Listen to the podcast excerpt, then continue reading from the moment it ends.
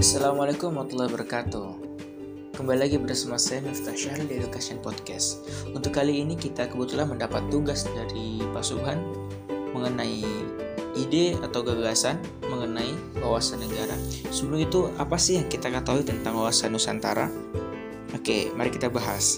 Wawasan Nusantara ialah berasal dari kata mawas atau wawas yang berarti pandangan, tinjauan, atau penglihatan indrawi. Akar kata ini membentuk kata mawas yang berarti memandang, meninjau, atau melihat. Sedangkan istilah Nusantara berasal dari kata Nusa yang artinya pulau dan antara artinya menunjukkan letak antara dua unsur. Kemudian apa sih yang kalian ketahui mengenai kawasan negara?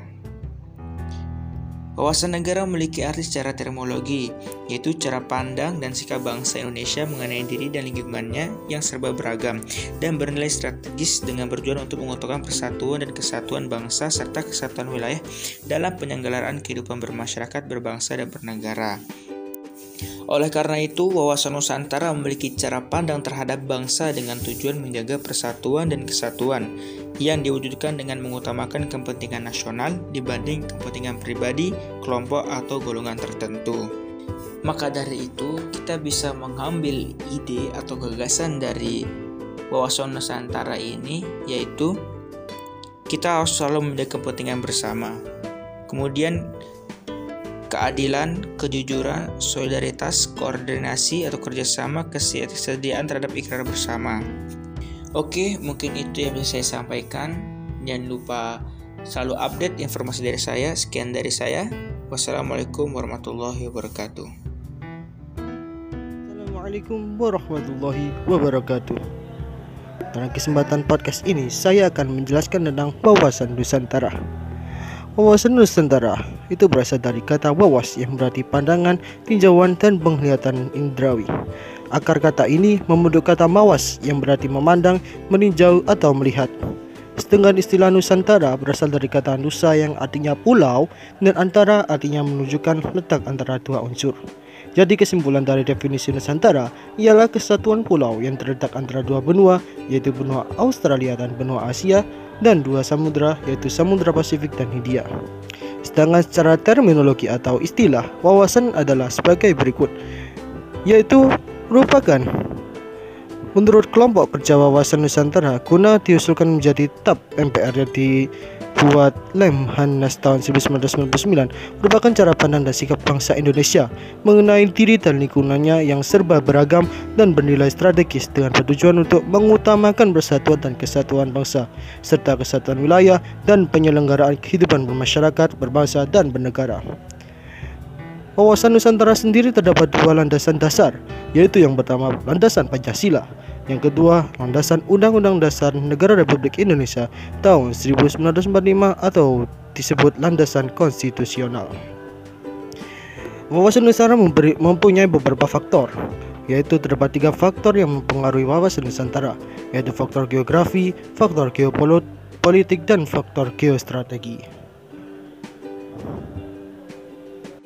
Wawasan nasional atau Nusantara adalah cara pandang bangsa terhadap diri dan lingkungan tempat hidup bangsa yang bersangkutan. Cara pandang yang dimiliki oleh bangsa Indonesia terhadap diri sendiri dan lingkungan dengan mengedepankan persatuan dan kesatuan wilayah dalam penyelenggaraan kehidupan bermasyarakat, berbangsa, dan bernegara. Jadi, kita itu perlu mengamati bangsa Indonesia ini itu dari lingkungannya, masyarakatnya, dan lain-lain untuk dimanfaatkan dan digunakan. Untuk mencapai suatu keberhasilan seperti kehidupan yang damai, tentram, tertib, bersatu, atau yang mementingkan kebersamaan dan lain sebagainya.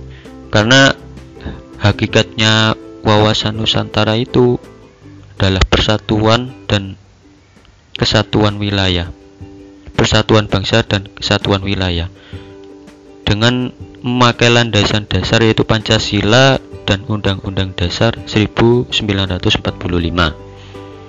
Wawasan Nusantara berfungsi sebagai pedoman, motivasi, dorongan, dan rambu-rambu dalam menentukan segala jenis kebijaksanaan, keputusan, tindakan, dan perbuatan bagi negara. Itu menurut ide saya. Nggih.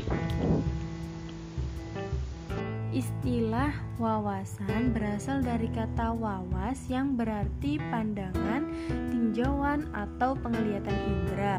Sedangkan istilah Nusantara berasal dari kata nusa yang artinya pulau dan antara yang artinya menunjukkan tata antar dua unsur. Jadi definisi Nusantara ialah kesatuan pulau yang terletak antara dua benua yaitu benua Australia dan benua Asia, dan dua samudra yaitu Samudra Pasifik dan Samudra Hindia.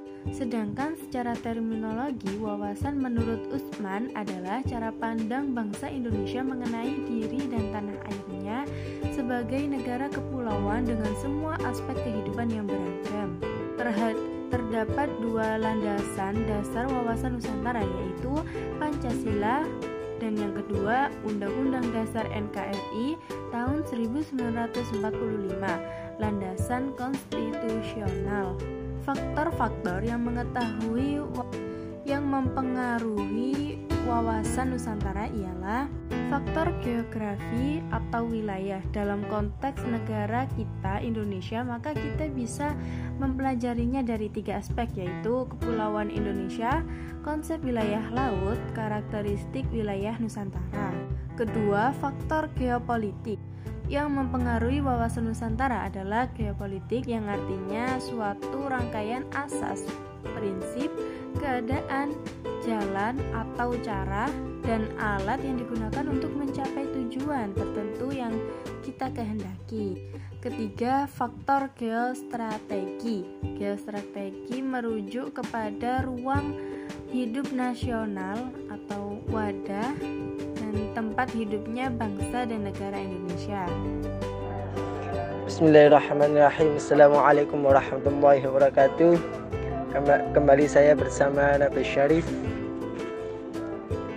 Sini saya akan membahas tentang wawasan Nusantara dan pengertian dari wawasan Nusantara.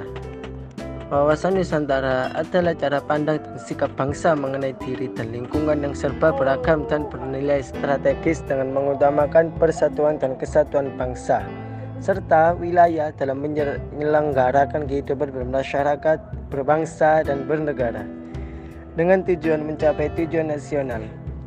Wawasan Nusantara memiliki dua tujuan utama di antaranya Tujuan wawasan Nusantara keluar adalah menjamin kepentingan nasional dalam era globalisasi yang kian mendunia maupun kehidupan dalam negeri.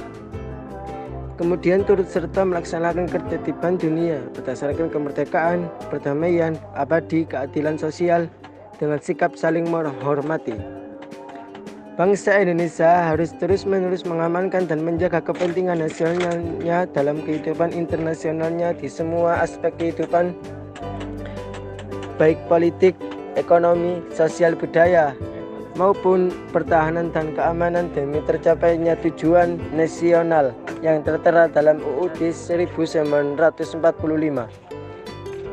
Tujuan wawasan Nusantara ke dalam adalah menjamin persatuan dan kesatuan di segenap aspek kehidupan nasional baik aspek almi, alamiah maupun aspek sosial.